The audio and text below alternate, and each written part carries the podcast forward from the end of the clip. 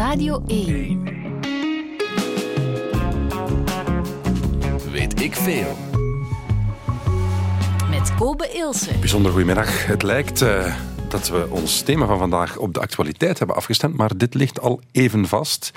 De actualiteit haalt ons in. Marjolein van Oppen, goedemiddag. Goedemiddag. Want jij bent wateronderzoeker aan de Universiteit Gent. Klopt. Je hebt een podcast, Helder heet die. Die gaat over water. En je schreef ook het boek Weg van Water. Ja. En gisteren, heel toevallig, die windhoos, die Ja. onwaarschijnlijke beelden, dat was in jouw straat. Eh, ja, die is op eh 100 meter van mijn deur gepasseerd, denk ik. Maar wat was dat? Ja, ja, we hebben een aantal bomen in de tuin en ik heb er toch met een beetje eh, ja, bang naar zitten kijken gisteren namiddag. Eh, jouw huis is oké. Ja, Alle buren zijn oké. ja. Een beetje verder zijn er wat gaten in daken en zo, maar het Mhm. is bij, bij ja, schade aan huizen gebleven, gelukkig. Oké. Oef, goed zo. Eh, een uur over water praten, ik neem aan dat dat veel te weinig is. Want ik was daarnet aan het denken, ik heb mij al gedoucht vanochtend, ik heb het al gedronken. Ik heb, ik heb er al voor gelopen, want het was weer aan het regenen. Het is eigenlijk overal, hè. Hoeveel procent bijvoorbeeld ook van mijn eigen lichaam is water? Eh 60 à 70 procent. Ook nog eens. Ja, Dus alles is water. ja, ja. Waarom jouw fascinatie? Net daarom, omdat dat een zo'n omvattend concept is? Goh, ik ben, ben altijd heel veel bezig geweest met duurzaamheid en milieuthema's enzovoort. Ehm, klimaatverandering ook. En je kan geen een van die thema's loszien van water. Eh, alles is water, je zei het zelf al. eh, Zonder water geen leven. Zonder water niet onze levensstandaard van vandaag. Eh, langs de andere kant, zoals we de afgelopen dagen gezien hebben, kan het ook voor heel veel overlast en miserie, en miserie zorgen. Ja. Ehm, het is vandaar, ja, het is, het is een heel fascinerend onderwerp, waar ook heel veel om te doen is natuurlijk vandaag. Zeker en vast. En eh, daar gaan we nu een uurtje over praten in Weet ik Veel. H2O. Dat zeg ik juist, hè? Klopt, ja. De chemische samenstelling. Zover ben ik al. Al de rest gaat Marjolein ons allemaal vertellen. Fijn dat u luistert. Goedemiddag.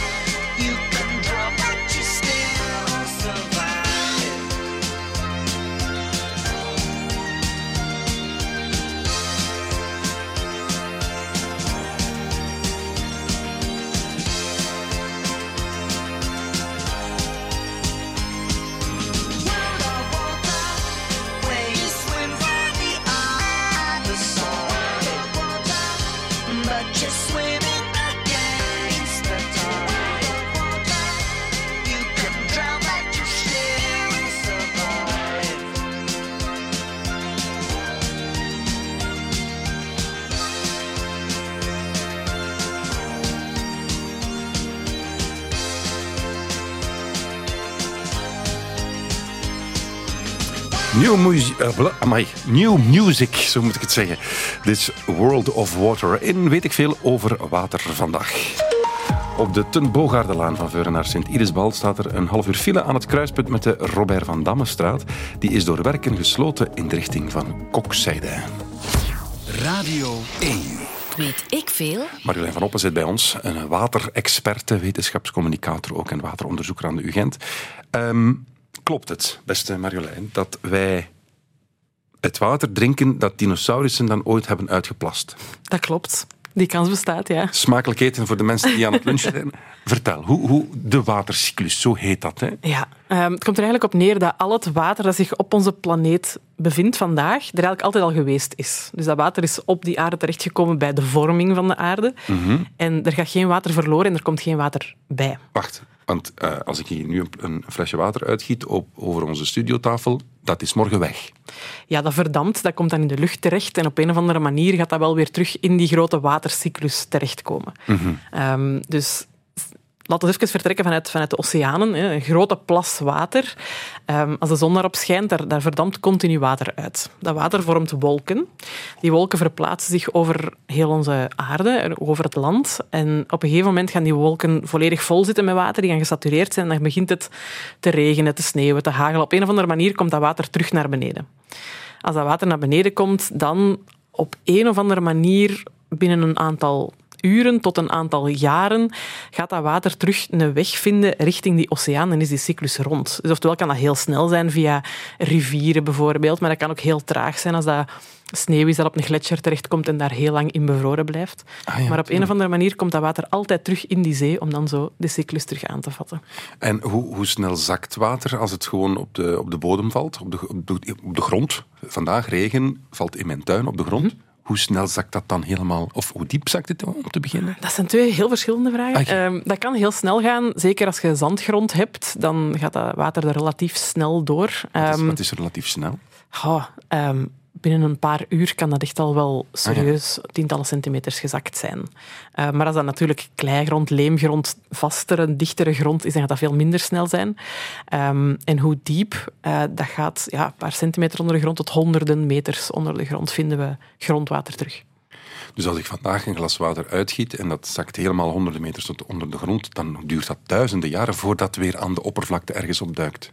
Dat kan, maar dat gaat ook ettelijke jaren duren voor het op die diepte terecht Ja, ja, ja. Schitterend. Ehm, en er is geen enkele lek. Ik wil zeggen, er verdampt niks los buiten de dampkring dan. Dat is verwaarloosbaar, Ah, ja. zoals we dan zeggen. Er komt ook wat, als er af en toe een meteoriet inslaagt, komt er ook weer wat bij. Eh, we sturen af en toe een beetje naar het ISS en naar de astronauten die daar eh, aan het werk zijn. Maar dat is verwaarloosbaar. Op die grote, gigantische hoeveelheid water die er is, is dat verwaarloosbaar. Dus dat gewicht, dat aantal watermoleculen, blijft eigenlijk altijd gelijk op deze planeet. Ja. En, dat, en die zijn gevormd bij het ontstaan van onze aarde. Die zijn erop terechtgekomen bij het ontstaan van de aarde, bij de vorming van de aarde. De eerste watermoleculen zijn vele miljarden jaren ouder. Die zijn gevormd bij de, de eerste stervende sterren, hebben de eerste watermoleculen gevormd. Vertel. Ehm dan moeten we echt heel ver terug. Hè. Dus We gaan ver terug. Kan allemaal. bij de oerknal, dat concept kennen we allemaal wel, we kunnen ons daar niks bij voorstellen, maar toen is er genoeg energie vrijgekomen om al de H, de waterstof, in H2O te vormen. Dat is de kleinste, kleinste atoom dat we kennen. Ehm, maar het heeft dan nog het ontstaan en vergaan van enkele sterren geduurd. Eh, dus ja, ik kan dat zelfs niet in, in jaren uitdrukken, miljarden jaren geduurd, voor er ook voldoende energie was om ook zuurstof, de O in H2O, te vormen. En dus op die moment waren de juiste bouwblokken er en zouden de eerste watermoleculen kunnen zijn ontstaan. Oké. Want het is, een, het is inderdaad H2O, ik zei het net al, twee waterstofatomen en zuurstof. Ja, klopt. Ehm, en waterstof is, is het nieuwe hippe ding, hoor ik, hè, qua energie. Dus er zit ook heel veel energie dan in H2O, in water. Ja, maar om uit H2O, uit water, waterstofgas te maken, eh, dat kost energie. Dus waterstofgas H2 is op zich geen energie, is een energiedrager. Een soort van batterij, ehm, ja, een soort van, van brandstof eigenlijk. Ehm, maar ja, je hebt ook heel veel heel schoon water nodig om dat te produceren. En dan heb je ook nog eens energie nodig om het te produceren. Ehm, dus ja, waterstof is heel hip op dit moment, maar er zijn best ook nog wel wat uitdagingen. Ja, want ik was aan het denken, we hebben zoveel oceaan. Mhm. Hebben we eigenlijk enig idee hoeveel liter water er is op deze planeet? Of moeten we dat in kubieke meters gaan uitdrukken? Of hoe? Zelfs in kubieke meters gaat dat niet zo heel veel zeggen. Ehm, het is ongeveer 1,5 triljard liter water. Dat is eh, 24 nullen. Ah, wel, maar stel nu dat we die waterstof daar... Het is er dus in overvloed. Ja. Maar de grote uitdaging is daar dat het grootste deel van alle water zout is. Dus 97% van alle water is zout. Ja. En kunnen we dus heel moeilijk gebruiken voor onszelf als mens, om, of om bijvoorbeeld waterstof van te maken of drinkwater van te maken. Ehm, in een oceaan, in een zee, zit gemiddeld 35 gram per liter zout. In kraanwater zit maximum, maximum 1 gram, vaak veel minder. Ehm, dus ja, er- er- dat zout is daar het grote probleem. 97% oceanen, zeeën, dat is zoutwater. Ja. Je zei het net al, te veel zout, maar is er geen manier om dat dan toch... Allee, waarom kunnen wij dat niet drinken?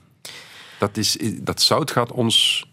Ja, ik ben geen dokter, maar hoe ik het begrijp is dat als je heel veel zout binnenkrijgt, ons lichaam is daar niet op voorzien.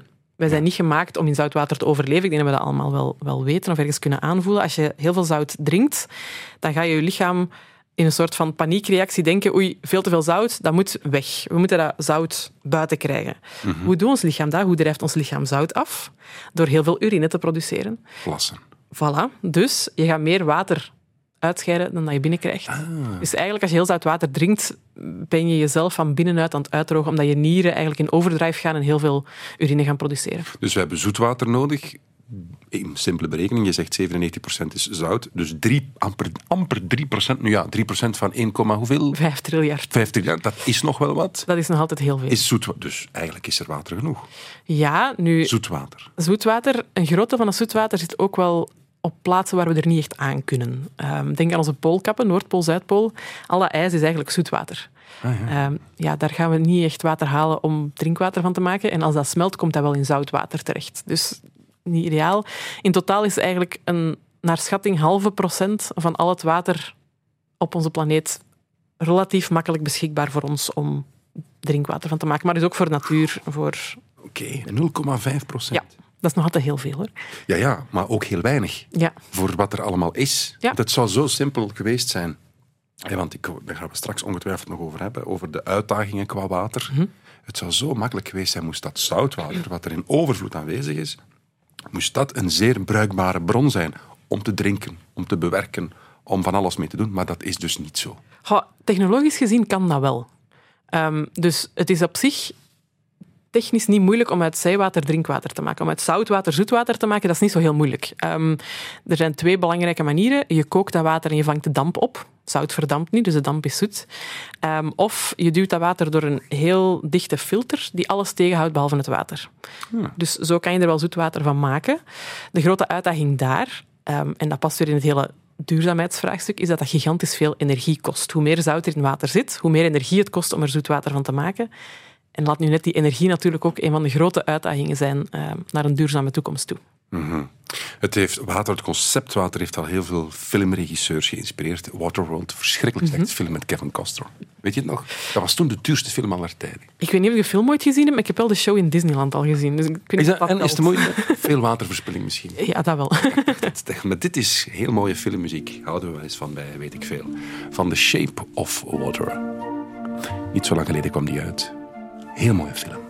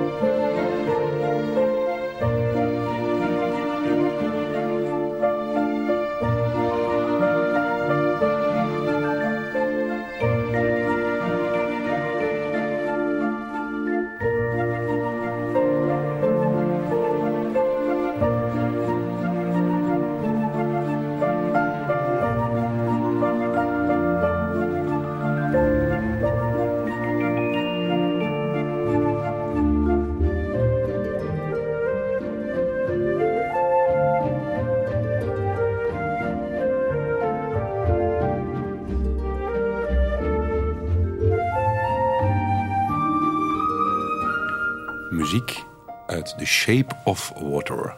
Een film van Guillermo del Toro. En de muziek zelf is gecomponeerd door Alexandre Desplat.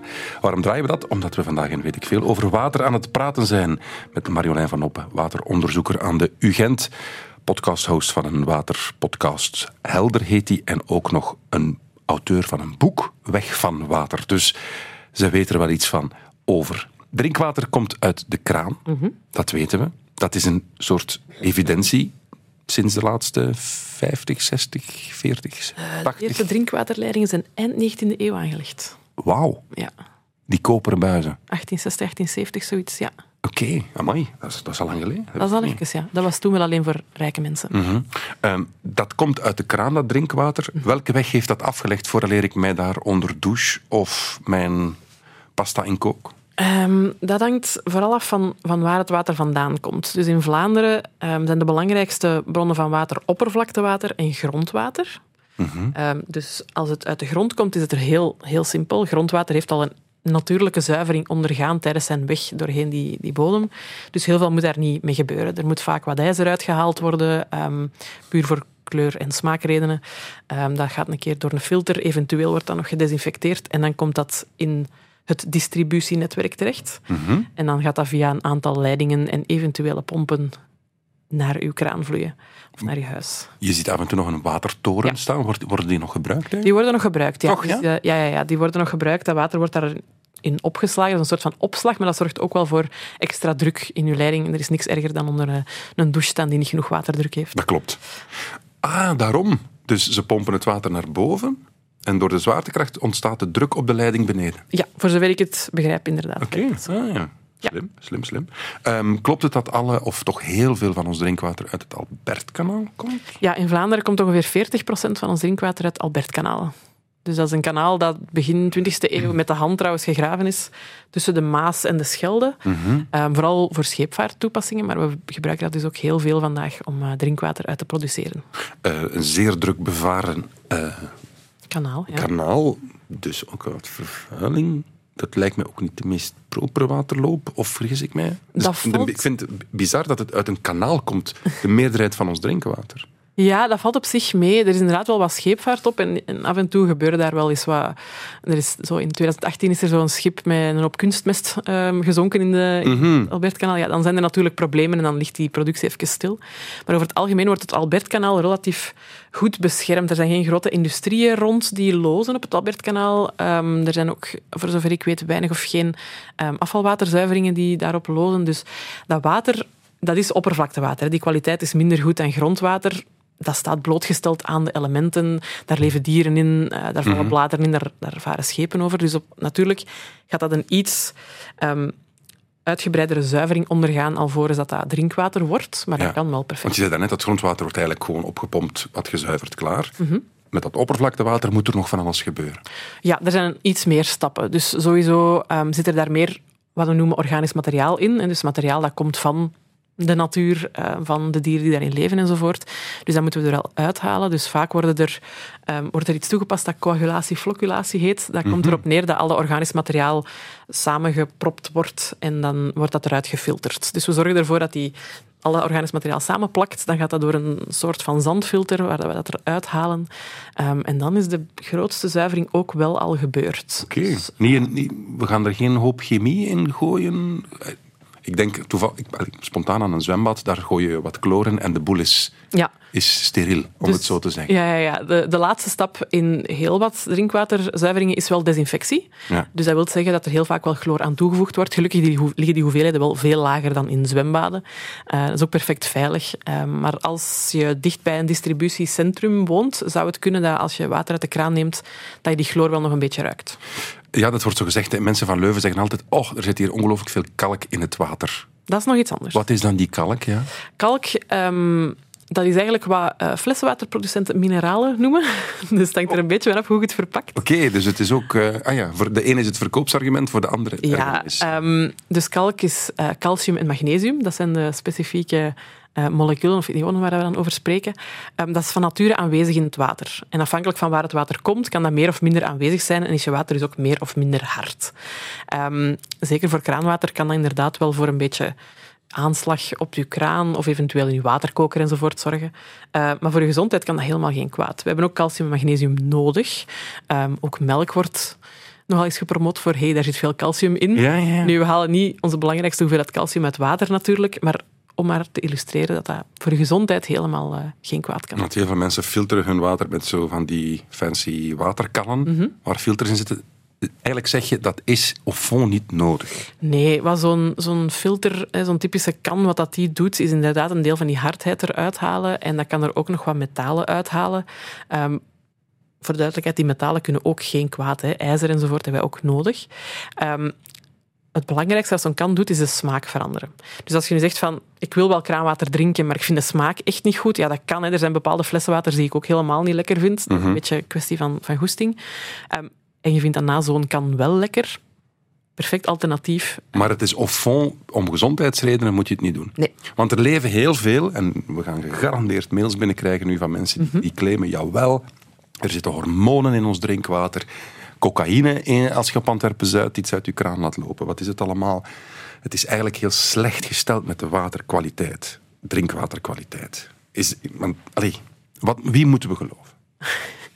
Ja, ik ga... Ik, ik, ik neig richting geloven van de wetenschap. Dus maar dat is Hm, je bent wetenschapper, dat, begrijp ik. Ehm, belangrijk om te weten is dat drinkwatermaatschappijen zich heel bewust zijn van alles wat we inderdaad terugvinden in die bronnen van water. Dus in oppervlaktewater en zelfs in sommige grondwaters vinden we pesticidenresten, medicijnresten, hormonen. Ehm, in afvalwater vinden wij, zeker in grote steden, ook drugs terug.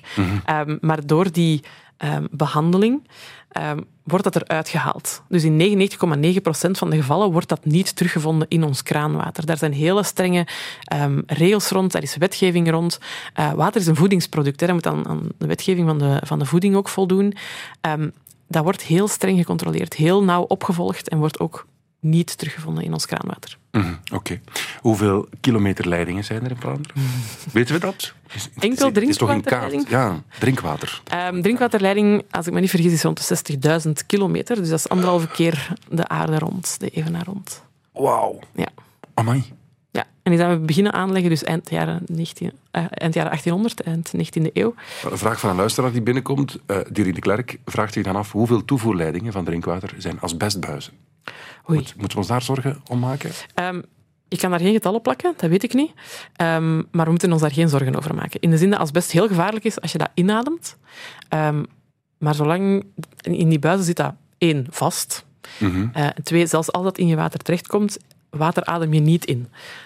Dus als je dat opdrinkt, heeft dat niet dezelfde negatieve gezondheidseffecten dan natuurlijk. Nee, maar smakelijk is het nu, nu ook wel weer niet. Maar er zijn dus nog wel degelijk asbestbuizen. Ja, asbestcementbuizen zijn er nog, ja. Oké. Laten we ons hopen dat dat toch een, een, een ambitie is om die te... Of ben ik nu heel achterdochtig? Dat weet ik. Ik, ik weet alleen dat we daar ons geen zorgen moeten maken naar kwaliteit van water toe. Dus die asbestbuizen, asbest werd gebruikt omdat het zo'n stevig materiaal is, omdat het heel geschikt is voor die toepassing. Ehm, moest dat asbest daaruit loskomen, ja, dan zouden die buizen het niet lang volhouden. Tuurlijk, dus dat is niet de bedoeling. Eh, over lodenbuizen wordt ook wel eens gezegd, oppassen daarmee. Dat kan ook wat giftig zijn. Ja, die zijn wel eh, volledig uitgefaseerd door de drinkwaterbedrijven zelf. Maar in oude huizen... Maar in oude huizen, zeker van voor de jaren 70, zou het wel kunnen dat de leidingen nog van lood zijn. Ehm, je kan dat heel makkelijk zelf eh, nakijken. Lood is, is niet magnetisch. Als je er magneet tegen houdt en die blijft niet plakken, zou het lood kunnen zijn. Ehm, waarom is dat zo? Als, als water stilstaat in lode leidingen, dan kan een deel van dat lood in dat water terechtkomen. En als je daar veel van drinkt, dan kan dat inderdaad voor gezondheidsproblemen zorgen. Nu, je moet daar ook niet te veel zorgen over maken als je daar dan toch van drinkt. Want meestal in oude huizen ook, als je een keer je toilet doorspoelt en je hebt dan een keer je handen gewassen enzovoort, dan zijn die leidingen gespoeld. Maar ik ga twee maanden op vakantie. Ja, dan moet je, kun je best een paar liter aftappen. Dan kun je een paar Ah, oké. emmers vullen en een keer je planten met water geven. En dan zijn die leidingen ook weer gespoeld en dan is dat perfect bruikbaar. Dus na een paar weken, een maand, stilstand water, toch al even gewoon eens doorspoelen. ja, ja. Oké, goed om weten. Goed om weten. Ehm, nog één vraagje over dat drinkwater dat uit de kraan komt. Mhm. Klopt het dat, het dat die temperatuur soms anders is? Of ligt dat aan mijn installatie thuis? Eh, Ik heb soms het gevoel dat het water uit de kraan heel koud is en anders warmer of zo. Dat zou kunnen. Ehm, het is niet omdat je water krijgt van één drinkwatermaatschappij, dat je water altijd van dezelfde plaats komt. Dus afhankelijk van beschikbaarheid en watervraag enzovoort, zou het kunnen dat je water op verschillende momenten van verschillende plaatsen komt. Dus dan zou het ook kunnen dat die temperatuur anders is. Maar het wordt nergens verhit. Nee, nee, nee. Het blijft de temperatuur van op dat moment de natuur. De Ja, klopt. Goed, Kanye West ja, het heeft een nummer over water gemaakt. En Netska heeft dat geremixed. Well. So, so, well, well, read. So, so, that's something mine. Then, boozing, kinda, moving, right, moving, yeah. Clean us like the rain in spring. Take the chlorine out of conversation. Let your light reflect on promise I'm not hiding anything. It's water.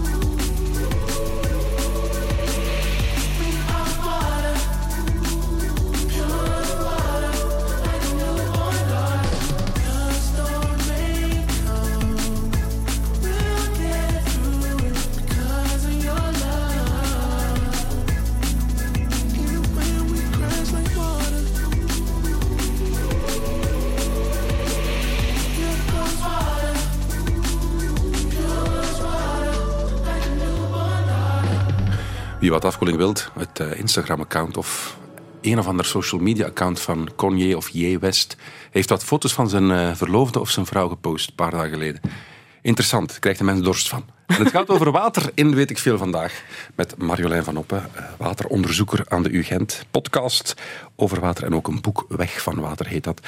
Ja, dit is het, hè. We, kennen het. Hè.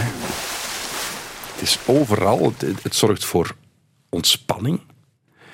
En bij mij heeft het ook dit effect. Mensen worden daar rustig van. Klopt. Appartementen die uitkijken op water, huizen die grenzen aan water, die gaan een pak duurder dan de appartementen aan de andere kant. Hè. Dat is nu een beetje filosofisch, maar wat denk jij, Marjolein? Wat, wat doet dat met ons? Of waarom heb- heeft water dat rustgevend effect? Dat is nu niet wetenschappelijk, maar gewoon uw persoonlijke...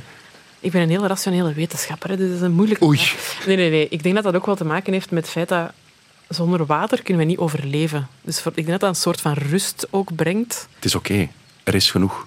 Ja, ik weet het niet, misschien. Ook het geluid zo. Of de zee. Zwat. Wie wilt over wetenschap, je wilt weetjes... Ja, ik snap het. We maken het ongezellig. Voilà, op, op zijn wetenschaps. In Vlaanderen is het, zeker de laatste week, het is altijd wel iets met water. Nu zijn er weer overstromingen in de Denderstreek. Och, arme die mensen, dat moet verschrikkelijk zijn. Maar dan in de zomer mag ik mijn, mag ik mijn auto niet meer wassen. Marjolein, wat is het nu? Zijn wij nu, hebben we nu niet genoeg water de laatste twee weken op ons dak gehad dat we nu drie jaar goed zijn qua grondwaterniveau? Hoe zit het in Vlaanderen? De uitdaging is daar dat heel veel van de, van de regen die valt niet in dat grondwater terecht kan komen. Ehm, dat heeft een paar redenen, maar een heel belangrijke, zeker in Vlaanderen, is dat Vlaanderen ehm, voor 16% verhard is. 16% van het oppervlak van Vlaanderen, daar kan water niet door. Dus dat zijn wegen, huizen, parkings, al dat soort dingen. Dat lijkt op het eerste zicht niet veel. Hè. Je zou denken van oké, ja, 84% is wel nog beschikbaar. Maar dat is dubbel zoveel als het Europees gemiddelde, bijvoorbeeld. Ehm, en elke vierkante meter die verhard is, dat is een paar honderd liter water minder dat per jaar in die bodem kan intrekken natuurlijk. Omdat het verdampt en dan via een wolk gewoon uit België wegvliegt. Vooral omdat het van, vanuit verharding, van op straten enzovoort, waar gaat dat water naartoe? Dat stroomt naar een beek, een riolering enzovoort. Van zodra dat in een riolering zit of in een beek zit, gaat dat binnen een paar uur in zee zitten of binnen een paar dagen. Want dat wordt heel snel afgevoerd. Dus we exporteren eigenlijk heel veel Ja, water. we, eigenlijk sturen we heel veel water heel snel weg richting zee. Mhm. Nochtans, ik heb eh, niet zo heel lang geleden verbouwd. Ja zeg, die, eh, die wetgeving, die vergunningen tegenwoordig, dan komen ze zo meten met een rookmachine of, of, of het eh, regenwater wel degelijk in de lokale beek terechtkomt en het bruin of het, hoe heet het, dat vuil, hè, Ja. toiletwater in de riool. Dus we zijn toch heel streng aan het worden. Ja, absoluut, maar dat is ook nodig. Ehm, dus er zijn heel veel regelgeving in Vlaanderen en we lopen daar ook echt voorop. Zeker als we naar onze buurlanden kijken. In Vlaanderen, als je stevig verbouwt of, of een nieuwbouw zet, moet je ook regenwater hergebruiken. Ehm, je moet niet alleen een regenwatertank steken, het is ook verplicht om het voor minstens één toepassing te gebruiken.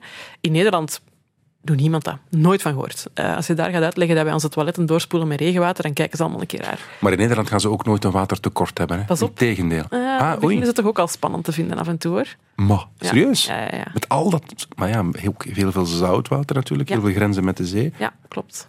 Heel veel intrusie van zeewater. Als het heel lang droog is, gaat dat zeewater ook veel meer veel verder richting binnenland komen. Hè. Maar het is toch iets, als je nu de regen van de laatste twee weken ziet, nu is er toch wel, als ik, als ik de E19 naar huis rijd en je ziet die water, je hebt langs elke snelweg in Vlaanderen heb je hier en daar wel een grote waterput.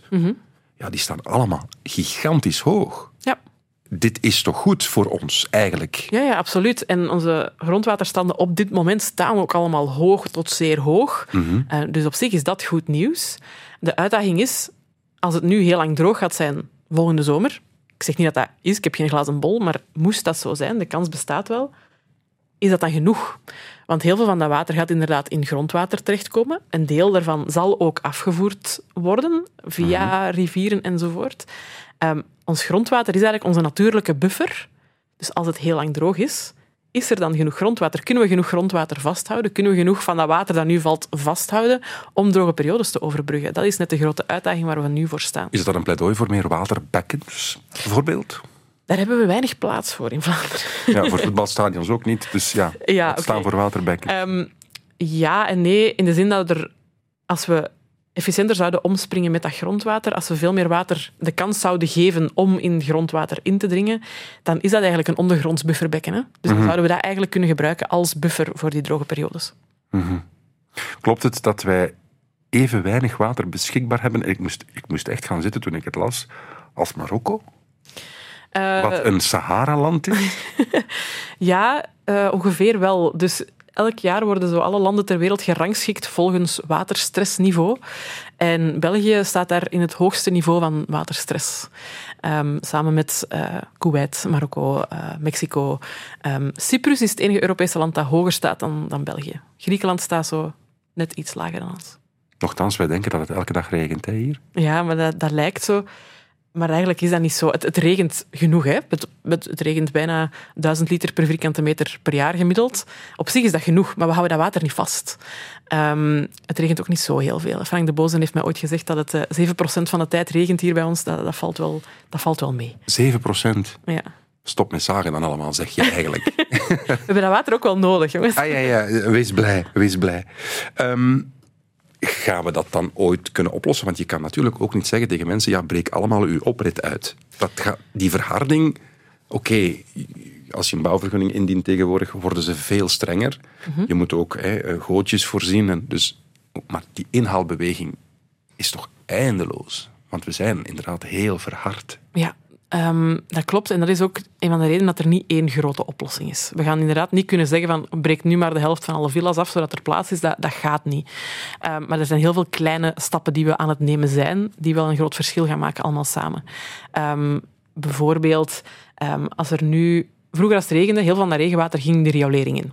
Nu worden op vele plaatsen waar er wel verharding is, wordt er gescheiden riolering aangelegd, waardoor afvalwater en regenwater apart worden opgevangen. En dan kunnen we heel bewust dat regenwater wel laten infiltreren. Bijvoorbeeld, ehm, als je nu een oprit aanlegt en je mag die niet verhard aanleggen, ja, dan er zijn er wel manieren om nog altijd een oprit te hebben, maar Ja. toch Maar die grastegels, waar, dat is pure mol. Mijn, oud- mijn ouders hebben dat. Miseria als het regent. Hè.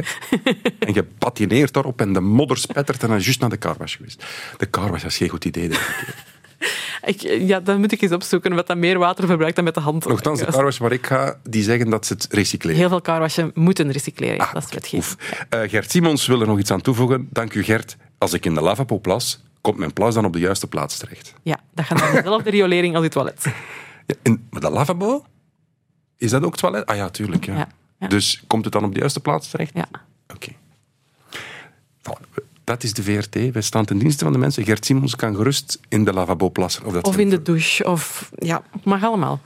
Hoeveel procent van de mensen zo in de douche plassen? Ik heb geen enkel idee. Daar is ooit al onderzoek naar gedaan, ongetwijfeld. We gaan dat even opzoeken tijdens een plaat van eh, Desmona. En eh, de titel is toepasselijk voor deze, weet ik veel. Freshwater. Goedemiddag.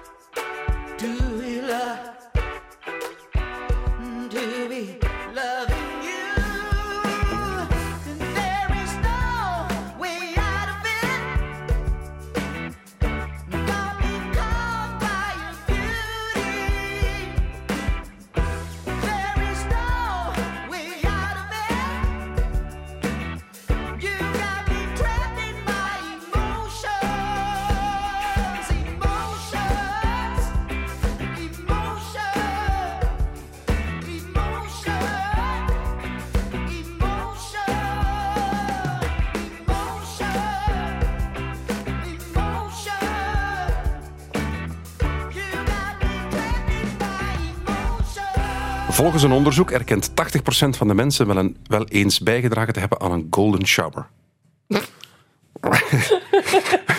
het heeft echter een reden. Dat plas uit je lichaam moet afvalstoffen. Is het nou wel zo verstandig? Ik lees voor uit mensheil.com.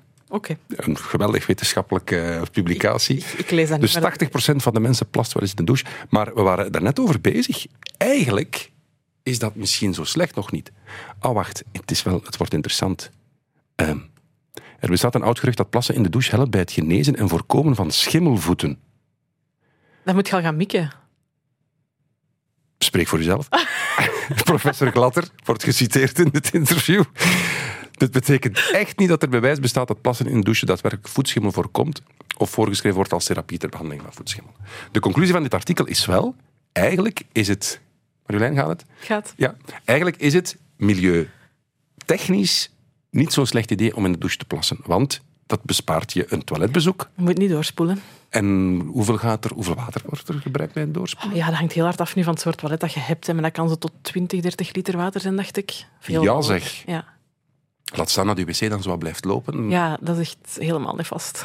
Want ja, hoe- hoeveel, als we daar even op door, want het- we kunnen met lachen plassen onder Mhm. de douche, maar eigenlijk hoeveel liter water verbruik ik, een normale consument, op een dag? Ja. Weten we dat? Ja, ongeveer wel. Ehm, dus afhankelijk of dat je regenwater gebruikt enzovoort, is dat de laatste jaren wel heel stevig gedaald. Dus we zitten onder de 100 liter per persoon per dag. Ehm, dus rond de, afhankelijk van de bronnen, 85 à 100 liter per persoon per dag. En verdeel dat eens op, de douche, s ochtends. Ehm, goh, even van buiten. De grootste verbruikers zijn uw toilet, uw wasmachine, dus de twee dingen die je op regenwater makkelijk kunt aansluiten, en dan douchen enzovoort. Dat zijn zo de grootste verbruikers. Wassen op regenwater? Ja, Ja? dat is perfect. Het is zacht water, er zit geen hardheid in. Hè. Juist, maar zo wat uit de, uit de regenput echt. Ja, na de filters en zo, ja. Ah, oké. Ja. Ah, wist ik Ja. niet. Oké. Perfect voor je wasmachine. Dus minder dan 100 liter per dag per persoon, ja. per persoon. Als we dat nu extrapoleren naar de wereldbevolking, is er dan eigenlijk genoeg water voor ons allemaal? Ja, ehm, ja. Of zijn er aan de andere kant mensen die misschien wel duizend liter per dag verbruiken? Maar ja, waarschijnlijk We in niet India zijn er met mensen die... Amerikanen. eh, Waarom? Die, die zitten veel hoger. Hè. Ehm, ook onze noorderbuur zitten trouwens ook 20, 30 liter per persoon per dag hoger dan wij op dit moment. Ehm, nee, we zijn op dat, in dat opzicht niet slecht bezig, maar dat is niet het enige water dat je verbruikt. Dus dat is enkel het water dat je ziet. Hè, je doorspoelt, waarmee je kookt, waarmee je wast. Maar er is even goed water nodig geweest om je trui te produceren, of je gsm te maken, of je eten te laten groeien. Ehm, en als je dat erbij gaat tellen, dan zit je wel aan een paar duizend liter per persoon per dag. Ah, ik las iets van 10.000 liter voor Ja. de jeansbroek die ik aan heb. Ja, klopt. En Oeh. iets van een 4000, 5000 liter voor een biefstuk. En ja. En dat moeten we eigenlijk allemaal mee optellen. Ja. Ja, en het straffe daar is ook vooral dat wij in, in Europa eigenlijk 40% van dat soort waterverbruik komt van buiten Europa. Koffie, alle, allerlei andere producten die wij importeren. Dat water verbruiken wij eigenlijk buiten onze grenzen. Ik ga terug naar de vraag die ik drie minuten geleden stelde. Is er dan eigenlijk genoeg water op deze planeet voor alle mensen? Of leven we boven onze stand?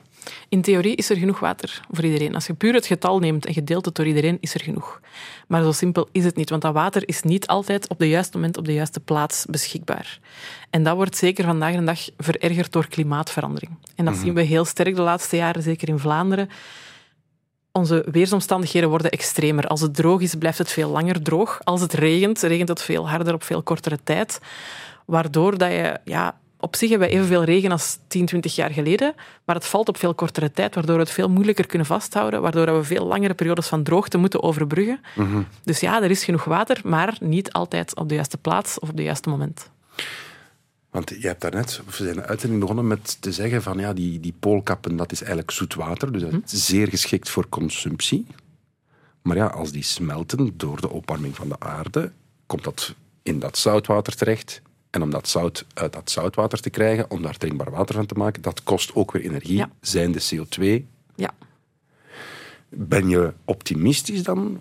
Of is dit eigenlijk op dat vlak ook, los van de temperatuurstijging, is het ook op watervlak één of een halve minuut voor twaalf of al één over twaalf? De twee hangen heel sterk samen met elkaar. Dus je kan klimaatverandering en water niet, bijna niet los van elkaar zien. Want hoe meer het opwarmt, hoe extremer ons klimaat en onze weersomstandigheden gaan worden, hoe groter we onze problemen met water ook gaan worden. Wateroverlast, watertekort gaat alleen maar erger worden. Het grote voordeel, tussen aanhalingstekens, met water is dat dat heel tastbaar is. We kunnen ons daar iets bij voorstellen. Als het heel lang droog is, dan weet je, oei, is er nog wel genoeg water? Mensen kunnen zich daar heel makkelijk iets bij voorstellen, wat met klimaatverandering en CO2 veel moeilijker is. Ja, maar wacht, Marjolein, ik ga je onderbreken, want ik kan me daar niks bij voorstellen. Of dat er geen water... Ik, ik kan me niet voorstellen dat ik de kraan opendraai en dat er geen Nee. water uitkomt. En dat is een heel grote luxe dat wij hier hebben, natuurlijk. Dat is waar. Maar ik hoop dat ik mensen daar iets bewuster van kan maken. Dat met water toch ook niet zo vanzelfsprekend altijd is. Is het ooit nipt geweest? Ja. Echt? Ja. Hier bij ons? Ja, ja, de afgelopen jaren hebben de drinkwaterbedrijven af en toe eens gedacht van ho jongens, het mag nu wel eens gaan eh, beginnen regenen of we moeten hier toch wel beginnen oppassen.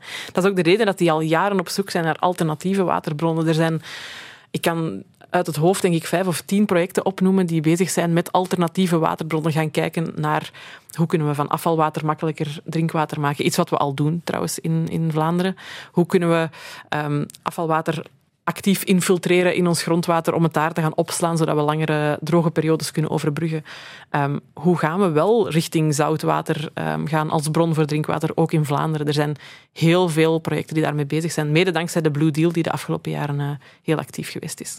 Ik herhaal mijn vraag. Ben je optimistisch? Of best Ik ben voorzichtig optimistisch. Dat is goed. Wetenschappers, hè. mijn broer is ook wetenschapper en die, die, die zegt ook altijd van vertrouw de mensheid. Vertrouw de, de, de slimme wetenschappers, die vinden voor alle problemen oplossingen.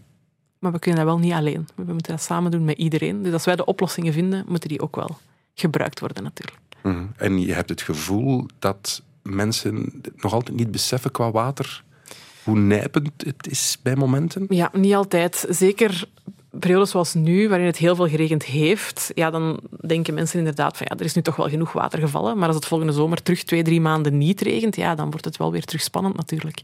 En dat zijn problemen die we niet alleen tijdens die droge periode moeten oplossen. We moeten er eigenlijk voor zorgen dat we tijdens die natte periodes dat water vasthouden, dat water bijhouden om tijdens die droge periodes te gebruiken. Maar het zijn net die natte periodes waarin mensen zich eigenlijk weinig zorgen maken over dat water. Eh, we hebben nog even tijd voor eh, Philippe Vriemhout. Oké. Die heeft dit gestuurd in de app. Dank je wel daarvoor, Philippe.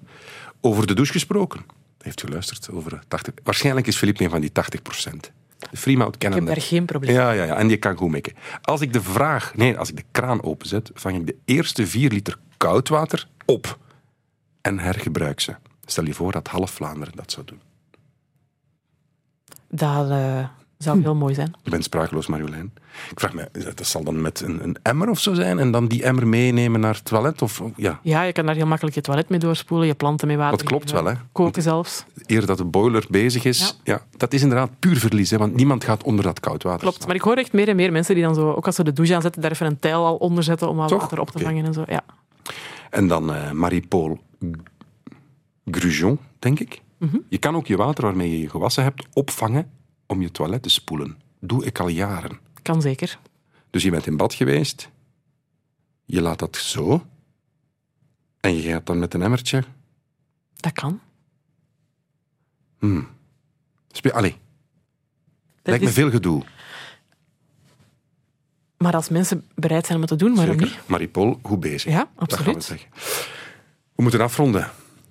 Als, je, als iemand je vraagt de zin aan te vullen, water is, wat antwoord je dan? Marjolein? Leven. Wauw. Ik had iets langer antwoord verwacht, we hebben nog 30 seconden. Sorry. Dat is radiotechnisch een beetje moeilijk. Water is alles, ja. Water is leven. Zonder water is er geen leven. En laat ons daar vooral ons bewust van zijn. Dat het niet uit de hemel zal blijven... Het gaat uit de hemel blijven vallen, maar het opvangen en zo, dat hebben we allemaal geleerd eh, in deze uitzending van Weet ik Veel. Marjolein, mag ik je ongelooflijk danken. Graag Ik gedaan. vond het zeer interessant. Mag ik ook bij deze de mensen die nu met hun enkels in het water staan heel veel sterkte toewensen. Echt waar. Ik hoop dat het snel opgelost is. Weet ik veel?